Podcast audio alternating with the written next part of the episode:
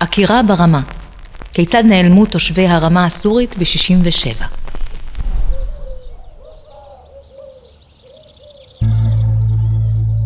השנה 1967. אנחנו נמצאים ברמת הגולן, שנקראת עדיין הרמה הסורית. ברמה חיים על פי הערכות שונות בין 90 אלף ל-145 אלף תושבים סורים, מוסלמים, נוצרים, דרוזים, צ'רקסים ואחרים. Camera rolling. ביום העצמאות 67, חיילים מצרים חוצים את תעלת סואץ וחודרים לסיני. Sound, speed. ישראל נכנסת למצב חירום, זמן המתנה. שקט על הסט. ירדן ומצרים חתמו על הסכם הגנה דו-צדדי, ועיני הצבא הישראלי התמקדו בגבולות איתן כהכנה למלחמה. במקביל, בפיקוד הצפון הכינו תוכנית לכיבוש הרמה הסורית תוך 48 שעות, למקרה הצורך. קראו לה תוכנית מלקחיים. שחקנים מוכנים? כולם המתינו לאות פתיחת המלחמה. ששת הימים, סצנה אחת, שוט אחת, טייק אחד. בחמישה ביוני 1967, בשעה 7.45, יצאה ישראל להתקפה אווירית. אקשן.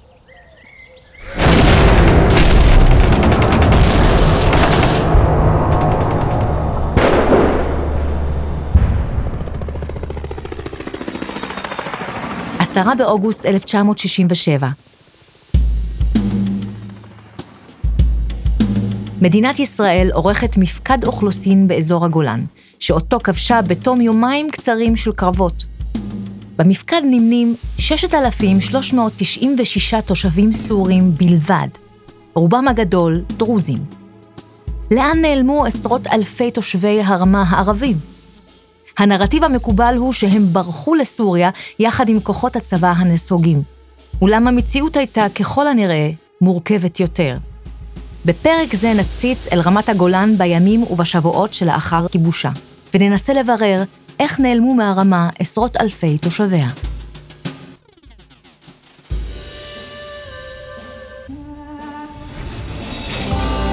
אמצעים וכוונות. הסיפורים הנסתרים והמוסתרים מאחורי הסכסוך הישראלי-פלסטיני. פודקאסט מבית מכון עקבות, בשיתוף קרן קונרד אדנאואר בישראל. מגישה מירה עווד. מחקר נועה כהן ואדם רז. תסריט נמרוד עציון. מוזיקה מקורית דוד פרץ. הפקה עידו קינן.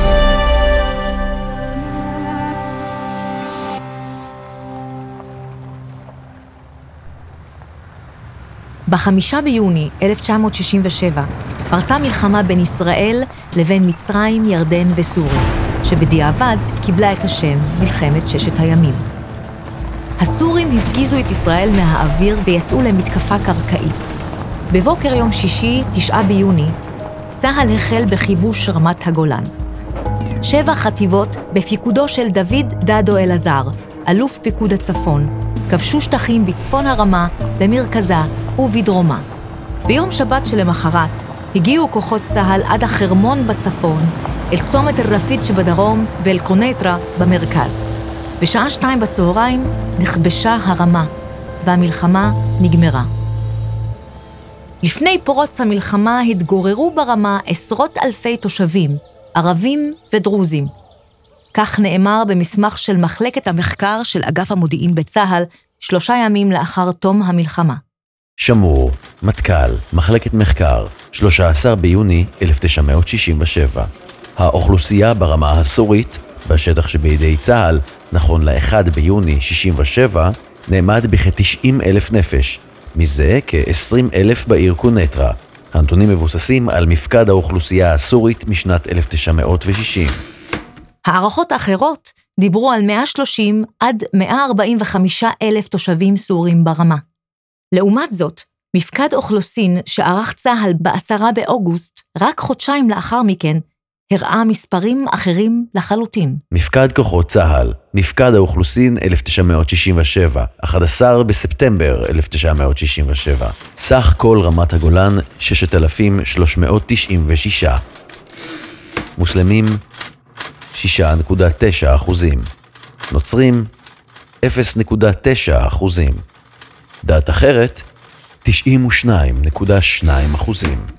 לאן נעלמו כל עשרות אלפי התושבים הערבים, וחשוב לא פחות, מתי? הנרטיב המקובל בישראל, שנשען על דיווחים מהתקופה שלאחר כיבוש רמת הגולן, מספר שהאזרחים תושבי הרמה ברחו מפני כוחות צה"ל המתקדמים יחד עם הלוחמים הסורים. הגרסה הזו התקבלה ללא ספקות גם במחקר האקדמי. חוקרים מרכזיים נמנעו מלערער עליה, למרות שידעו שהאמת ההיסטורית כנראה מורכבת הרבה יותר. העיתונאי שי פוגלמן, שפרסם ביולי 2010 כתבה חשובה ב"הארץ" בדבר גורלם של תושבי הגולן הסורים, ציטט כמה מהם ללא ציון שמותיהם. אחד מהם, שכונה בכתבה חוקר מרכזי, אמר, שמעתי עדויות שהדברים לא היו כפי שישראל הרשמית סיפרה כל השנים. במודע לא עסקתי בזה והחלטתי לדבוק בנרטיב הקיים. אולם טשטוש גורלם של תושבי הגולן לא היה רק תוצר של עצלות אינטלקטואלית. בארכיונים הממשלתיים, עיקר המסמכים שעוסקים בגירושם של אזרחים בעקבות המלחמה סגורים לעיון. במסמכים אחרים, שנפתחו בחלקם לעיון, נמחקו פסקאות ומשפטים שעוסקים בנושא זה. הנה למשל דוגמה. בדוח של פיקוד הצפון שסקר את פעילותה של אוגדה 36 במלחמה, בפרק שעוסק בהשלטת הממשל הישראלי על רמת הגולן, נכתב כך: החל מתאריך 11 ביוני, החל הממשל לטפל באוכלוסייה שנשארה בתחום הכבוש, תוך שימת דגש במיעוטים הדרוזים והצ'רקסים. בעותק של המסמך שנפתח לעיון הציבור בארכיון צה"ל, נמחק המשכו של המשפט. אולם העיתונאי שי פוגלמן הצליח למצוא עותק בלתי מושחר של הדוח. המילים שנמחקו היו, וכן פינוי של אוכלוסייה שנשארה. בהיעדרו של תיעוד ישראלי גלוי, פנינו למקורות אחרים. בארכיון הצלב האדום בז'נבה מצאנו את התיעוד שהותירו אחריהם שני נציגי הצלב האדום הבינלאומי, אות ואפר. השניים נשלחו מיד לאחר המלחמה אל רמת הגולן כדי לטפל במצוקות האוכלוסייה האזרחית. בסדרת דוחות ומכתבים תיעדו השניים את מה שמצאו ברמת הגולן ימים ספורים לאחר כיבושה. דוח של אות ודוקטור אפר על משימתם בקונטרה. יום רביעי, חמישה ביולי 1967. בוקר, נסיעה מירושלים לקונטרה. אנחנו מעוכבים בגשר הירדן ובראש פינה במשך כשעתיים, בגלל שאין לנו אישורי מעבר כתובים. אחר הצהריים, הגעה לקונטרה. מוריון מעביר לנו בקשות מדמשק. ראיון עם מרטי והקצינים הזוטרים של היחידה הצבאית המטפלת בערבים. מהדוחות שלהם עולה תמונה עגומה של כפרי רפאים. שבת, שמונה ביולי, בוקר. סיור לכפר בניאס בליווי מר חמאווי, מר בויזיה ומר מור. הכפר מנסורה נראה ללא פגע. הכפר בניאס הרוס. אוכלוסייה בצידי הדרכים. מוכרים פירות. אחרי הצהריים, מר בועזיה ומר מור עוזבים. ראיון עם המוכתר, בתיווכו של מר חמאווי, בביתו של המוכתר אבו מדה. דנים באפשרויות סיוע. מצב האוכלוסייה האזרחית על פי המוכתר, נותרו 300 איש מתוך 30 אלף. הצבא מספק להם מזון וטיפול רפואי.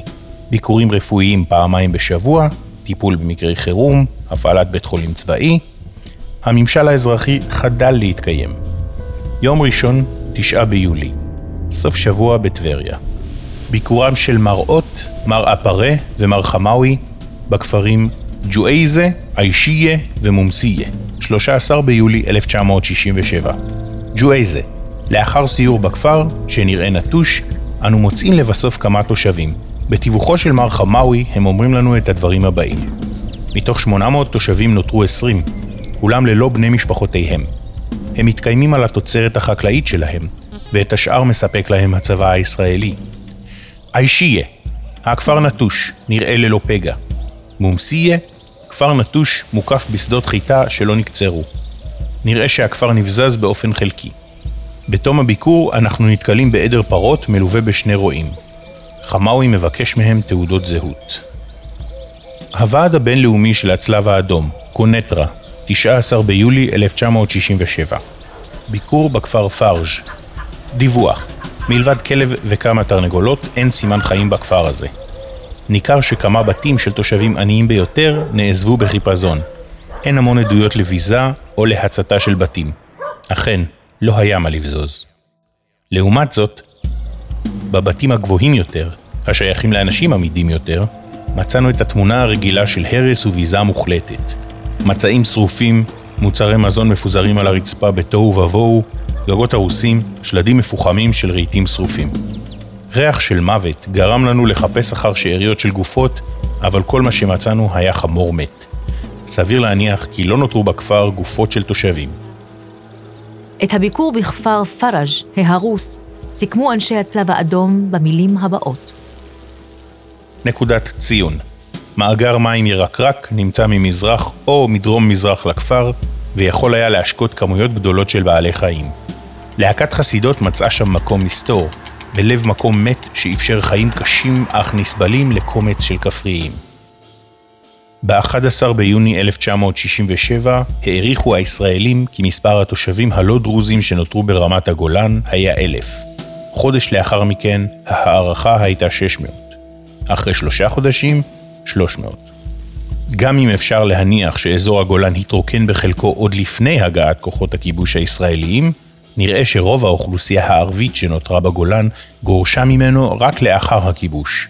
למעשה, גם נציגי הצלב האדום בישראל וגם הנציגים בסוריה הגיעו למסקנה, לאחר בדיקת מספר רב של מקרים, שרוב הפליטים גורשו, בין אם באלימות בעת הכיבוש ובין אם באמצעי לחץ שונים לאחר מכן. עם זאת, המסקנה הזאת לא הוכחה, והוועד הבינלאומי של הצלב האדום לא יכול לאמץ אותה. אין מחלוקת שמרבית האזרחים תושבי הרמה נמלטו מבתיהם במהלך כיבוש הרמה. כמו כן, מדיניותה של ישראל הייתה בבירור למנוע את שובם של הפליטים לבתיהם. גם אלו שברחו אל עומק השטח הסורי, וגם אלו שיצאו מהכפרים אל השדות הסמוכים והמתינו עד יעבור זעם. אמנון אסף, בן קיבוץ מעיין ברוך, סייר בגולן מיד לאחר המלחמה. לשי פוגלמן הוא סיפר, זה היה ממש בימים הראשונים שלאחר המלחמה. נסעתי עם חבר מהקיבוץ לרמת הגולן. היה לנו חבר משק ששירת בסרט שריון, ומאז שהם עלו לגולן לא שמענו ממנו כלום, חוץ מהעובדה שהוא אולי באזור נטף. היה אסור לאזרחים ישראלים לעלות לרמה באותם הימים. אז מרחנו בוץ על הג'יפ שלנו, כדי שהחיילים יחשבו שמדובר ברכב צבאי ולא יעצרו אותנו. כשעברנו בכביש עוטף כנרת, למטה, מתחת למצוקי הרמה, באזור קורסי, ראינו התקהלות גדולה של אזרחים סורים. להערכתי היו שם כמה מאות. הם היו מכונסים מול שולחנות שמאחוריהם ישבו חיילים. עצרנו ושאלנו שם את אחד החיילים מה הם עושים. הוא ענה שהם מבצעים רישום לפני גירוש. אני לא איש רך לב, אבל כבר באותו הרגע הרגשתי שקורה כאן משהו שהוא לא בסדר. אני זוכר עד היום שכבר אז המחזה הזה עשה לי רושם רע, אבל זה היה דה פקטו, כמו שהיה בלוד, ברמלה ועוד מקומות במלחמת העצמאות. הייתי בגדוד השלישי של הפלמ"ח באותה המלחמה, ולמרות שנפצעתי בקרב לפני כיבוש לוד ורמלה, ידעתי שכך עשו חבריי. הם היו מספרים לי על הגירוש כשבאו לבקר אותי בבית החולים, וכמובן שגם בשנים שלאחר מכן. שי פוגלמן סיפר בכתבתו, מפיהם של רוב הלוחמים שראיין, כי כמעט כל מי שהוציא את הראש מהנגמש או מהטנק שלו זוכר את מאות האזרחים הסורים שהתקבצו מחוץ ליישובים ביומיים של הלחימה בגולן. על פי העדויות, רבים מהם נעו מזרחה בשיירות, לעתים יחד עם הצבא הנסוג, אך רבים נשארו, בתקווה שהחיים האזרחיים ישובו למסלולם גם תחת שלטון הכובש. אחד מצעדי המדיניות שנועדה למנוע את יישובם המחודש של היישובים המרוקנים היה הריסתם של הכפרים שנותרו שוממים. הנה למשל, קטע מתוך עדותו של אלעד פלד, מפקד אוגדה 36 שכבשה את דרום רמת הגולן. העדות ניתנה לבועז לב טוב, מראיין מטעם מרכז יצחק רבין לחקר ישראל. חילופי הדברים מובאים כאן באמצעות שחקנים. בשבוע הזה, שאתה נמצא ברמת הגולן, אין לך בעיה של אוכלוסייה? אתה לא זוכר גירוש? אני uh, זוכר החלטה עם בולדוזרים לחסל את הכפרים, כך שלא יהיה לאן לחזור. מהר? מהר. התחילו בזה ממש או בשבוע הראשון או בשבוע השני. היו שם 30 ומשהו כפרים. כפרים די גדולים. כן. נשארו כמה חורבות? פה ושם אתה רואה איזה בית. חוץ מקונטרה כמובן. שזה מחליטים לא לגעת. אני לא יודע. כל זמן שאני ישבתי שם לא נגעו בקונטרה, נדמה לי שאחר כך הרסו. חלק. חלק נשאר. מרבית תושבי האזורים הכפריים ברמת הגולן, פרט לתושבי הכפרים הדרוזים בצפונה של הרמה, רוכזו במהלך השבועות שלאחר הכיבוש באחת משכונותיה של העיר קונייטרה. משם הועברו טיפין-טיפין לשטח סוריה, אבל מדיניות זו החלה לגבות מחיר דיפלומטי. מיכאל קומאי, מבכירי משרד החוץ, פנה כשנה לאחר המלחמה אל שלמה גזית, שהיה אחראי מטעמו של שר הביטחון משה דיין על הטיפול בשטחים הכבושים. סודי ביותר, ירושלים, 8 ביולי 68. אל אלוף משנה גזית, לשכת שר הביטחון, מאת מ"ז קומאי, יועץ מדיני לשר החוץ. הנדון, הצלב האדום. בצלב האדום מתגברת ההרגשה כי אנו מקשים על עבודתם כאן, והם חוששים שיתבקשו לתת דין על חוסר מעש שלהם בשטחים המוחזקים. כמו כן, אין ספק שמדינות ערב לוחצות על הצלב האדום כדי שיפרסמו את המקרים בהם לא נתנו להם לפעול, או שבהם לא נהגנו בהתאם לאמנות. נספח ב' מצב התושבים הערבים בקונטרה. בעניין זה כבר הייתה התכתבות בינך לבין הצלב האדום.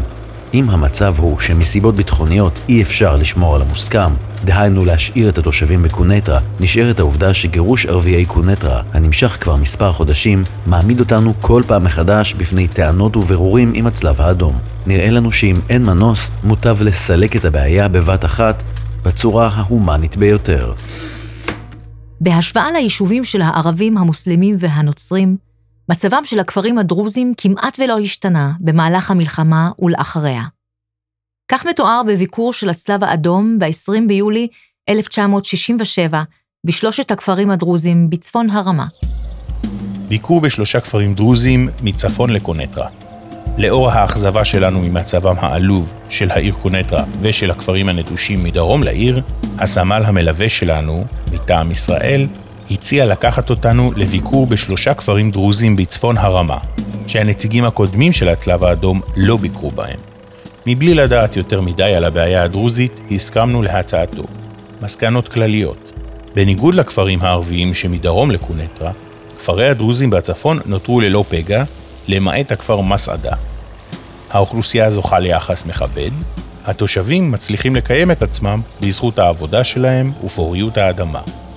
עושה רושם שגורלם של הדרוזים היה רק כשל יתר המיעוטים תחת המשטר הסורי. הם ישמשו כחיץ מצד אחד, ומצד שני יהיו בני ברית נאמנים. נוכחנו גם במחזה נוגע ללב, כאשר ראש עדת הדרוזים הגיע מהכרמל עם שורה של נכבדים, ונפל בנשיקות על אחיו שאותם לא ראה כבר עשרים שנה. בעוד שהמטרה של ישראל היא בבירור לחסל את האוכלוסייה הערבית ברמת הגולן, ייתכן שהאזור יהיה דווקא יעד להגעה של משפחות דרוזיות. רמת הגולן הכבושה, הכפר מנסורה, דוח הצלב האדום. דיווח מביקור במנסורה, 11 ביולי 1967. נוכחים מראות דוקטור אפר, שין חמאווי, מוכתר קונטרה אבו דיב ומוכתר מנסורה. השיחה בתרגומו של שין חמאווי. תקשורת ישירה ללא נוכחותם של עדים ישראלים לא מתאפשרת. תושבים, לפני המלחמה 1,600. כעת 253 תושבים עזבו את הכפר בגלל ההפגזות, כלומר יום אחד לפני הגעת הכוחות הישראלים.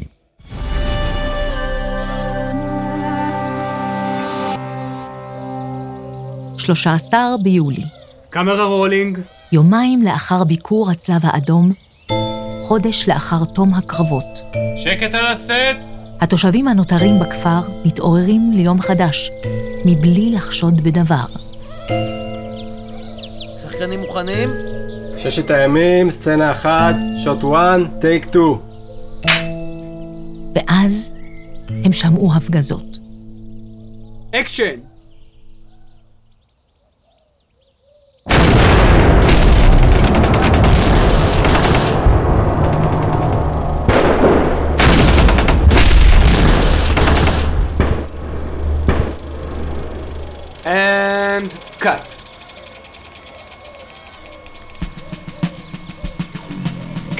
אחרי המלחמה, התברר כי היא לא צולמה כמעט בכלל.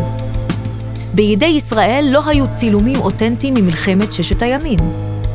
כך נולדה היוזמה להפיק סרט תעמולה ישראלי, שבצילומיו ישוחזרו חלק מקרבות המלחמה. את סרט התעמולה ששת הימים ביים אלפרד שטיינהארט, שחתום עליו כיועץ.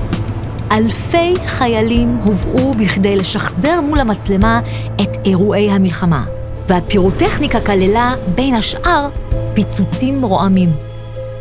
ב-13 ביולי התעוררו נציגי הצלב האדום בקונייטרה מכל הפיצוצים. לכ-300 התושבים שעוד נותרו בכפר הסמוך, מנסורה, איש לא טרח לספר שמדובר בסך הכל בשחזור קולנועי, ולא בשובה של המלחמה אל סף דלתה. תת המשלחת בקונטרה, יום שני, 17 ביולי 1967, אחר הצהריים, בעקבות בריחתם של 300 התושבים שנותרו בכפר מנסורה לאחר המלחמה. לפי המוכתר, תושבים אלה ברחו בעקבות השחזור, המציאותי ביותר, של כיבוש קונטרה בידי ישראל, שגם אנחנו היינו עדים לו שלושה ימים לפני כן. לדברי המוכתר, רעש הקרב המדומה הפחיד אותם עד כדי כך שהם העדיפו להימלט בחשאי. למחרת, עם עזיבתנו, וידאנו שוב את העניין. בכפר נותרו שישה אנשים. מדוע הישראלים לא הודיעו לתושבים שמדובר רק בשחזור לצורכי צילום סרט? שאל המוכתר. הוועד הבינלאומי של הצלב האדום, קונטרה, 18 ביולי 1967. ביקור בכפר מנסורה, נטוש. בכפר זה התגוררו, לפני כמה ימים, בין 250 ל-300 תושבים, לפי דברי קודמינו בתפקיד.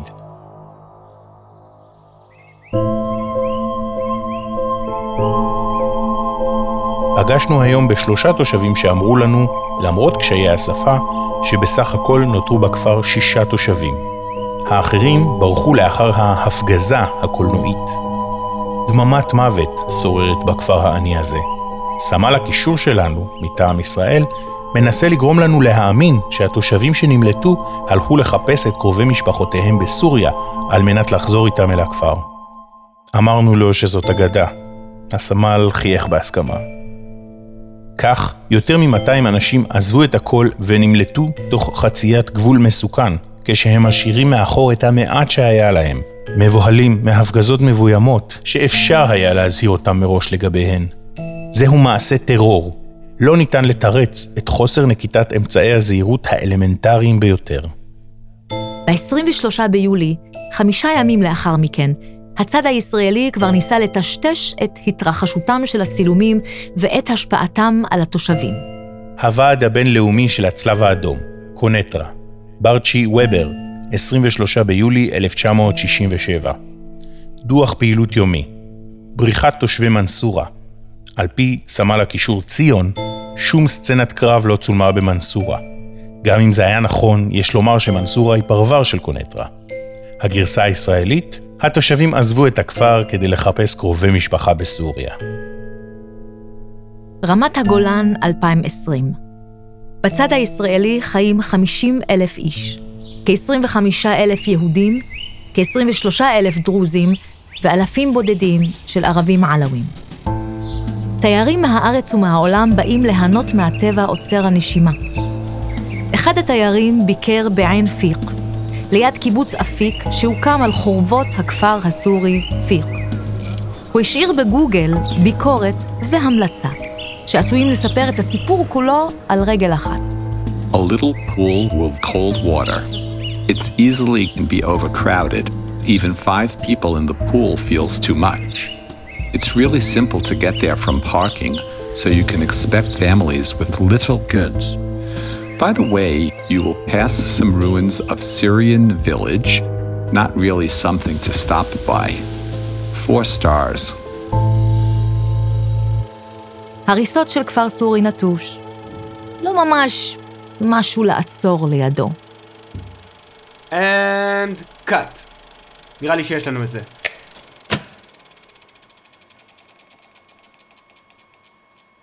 אמצעים וכוונות, הסיפורים הנסתרים והמוסתרים מאחורי הסכסוך הישראלי-פלסטיני. תודה לצוותי ארכיון המדינה, ארכיון צה"ל ומערכת הביטחון, הארכיון הציוני המרכזי, ארכיון השומר הצעיר, יד יערי בגבעת חביבה וארכיון יד טבנקין. פרקי הסדרה נשענים על מחקר ממושך שקיימנו בעזרתם. תודה גם לאנה ולרון מהצנזורה הצבאית. תודה מיוחדת לפבריציו בנסי, מארכיון הצלב האדום בז'נבה. המחקר בארכיון הצלב האדום התבצע בסיוע הארגון השוויצרי swisspeace. תודה מיוחדת לאסתר קפלוני, לקרן מישלס ולניקולה דידאי. הפודקאסט אמצעים וכוונות מבית מכון עקבות, מופק בשיתוף קרן קונרד אדנאואר בישראל. אתם מוזמנים לעיין במסמכים ששימשו להפקת פרק זה באתר האינטרנט של מכון עקבות, עקבות.org.il akevot.org.il, כמו גם במאות מסמכים מרתקים נוספים. אם מה שאנחנו עושים נראה לכם חשוב ומועיל, נודה לכם אם תשקלו לתרום לנו. נשמח לקבל הערות והצעות בכתובת contact at akevot.org.il. תודה על ההאזנה.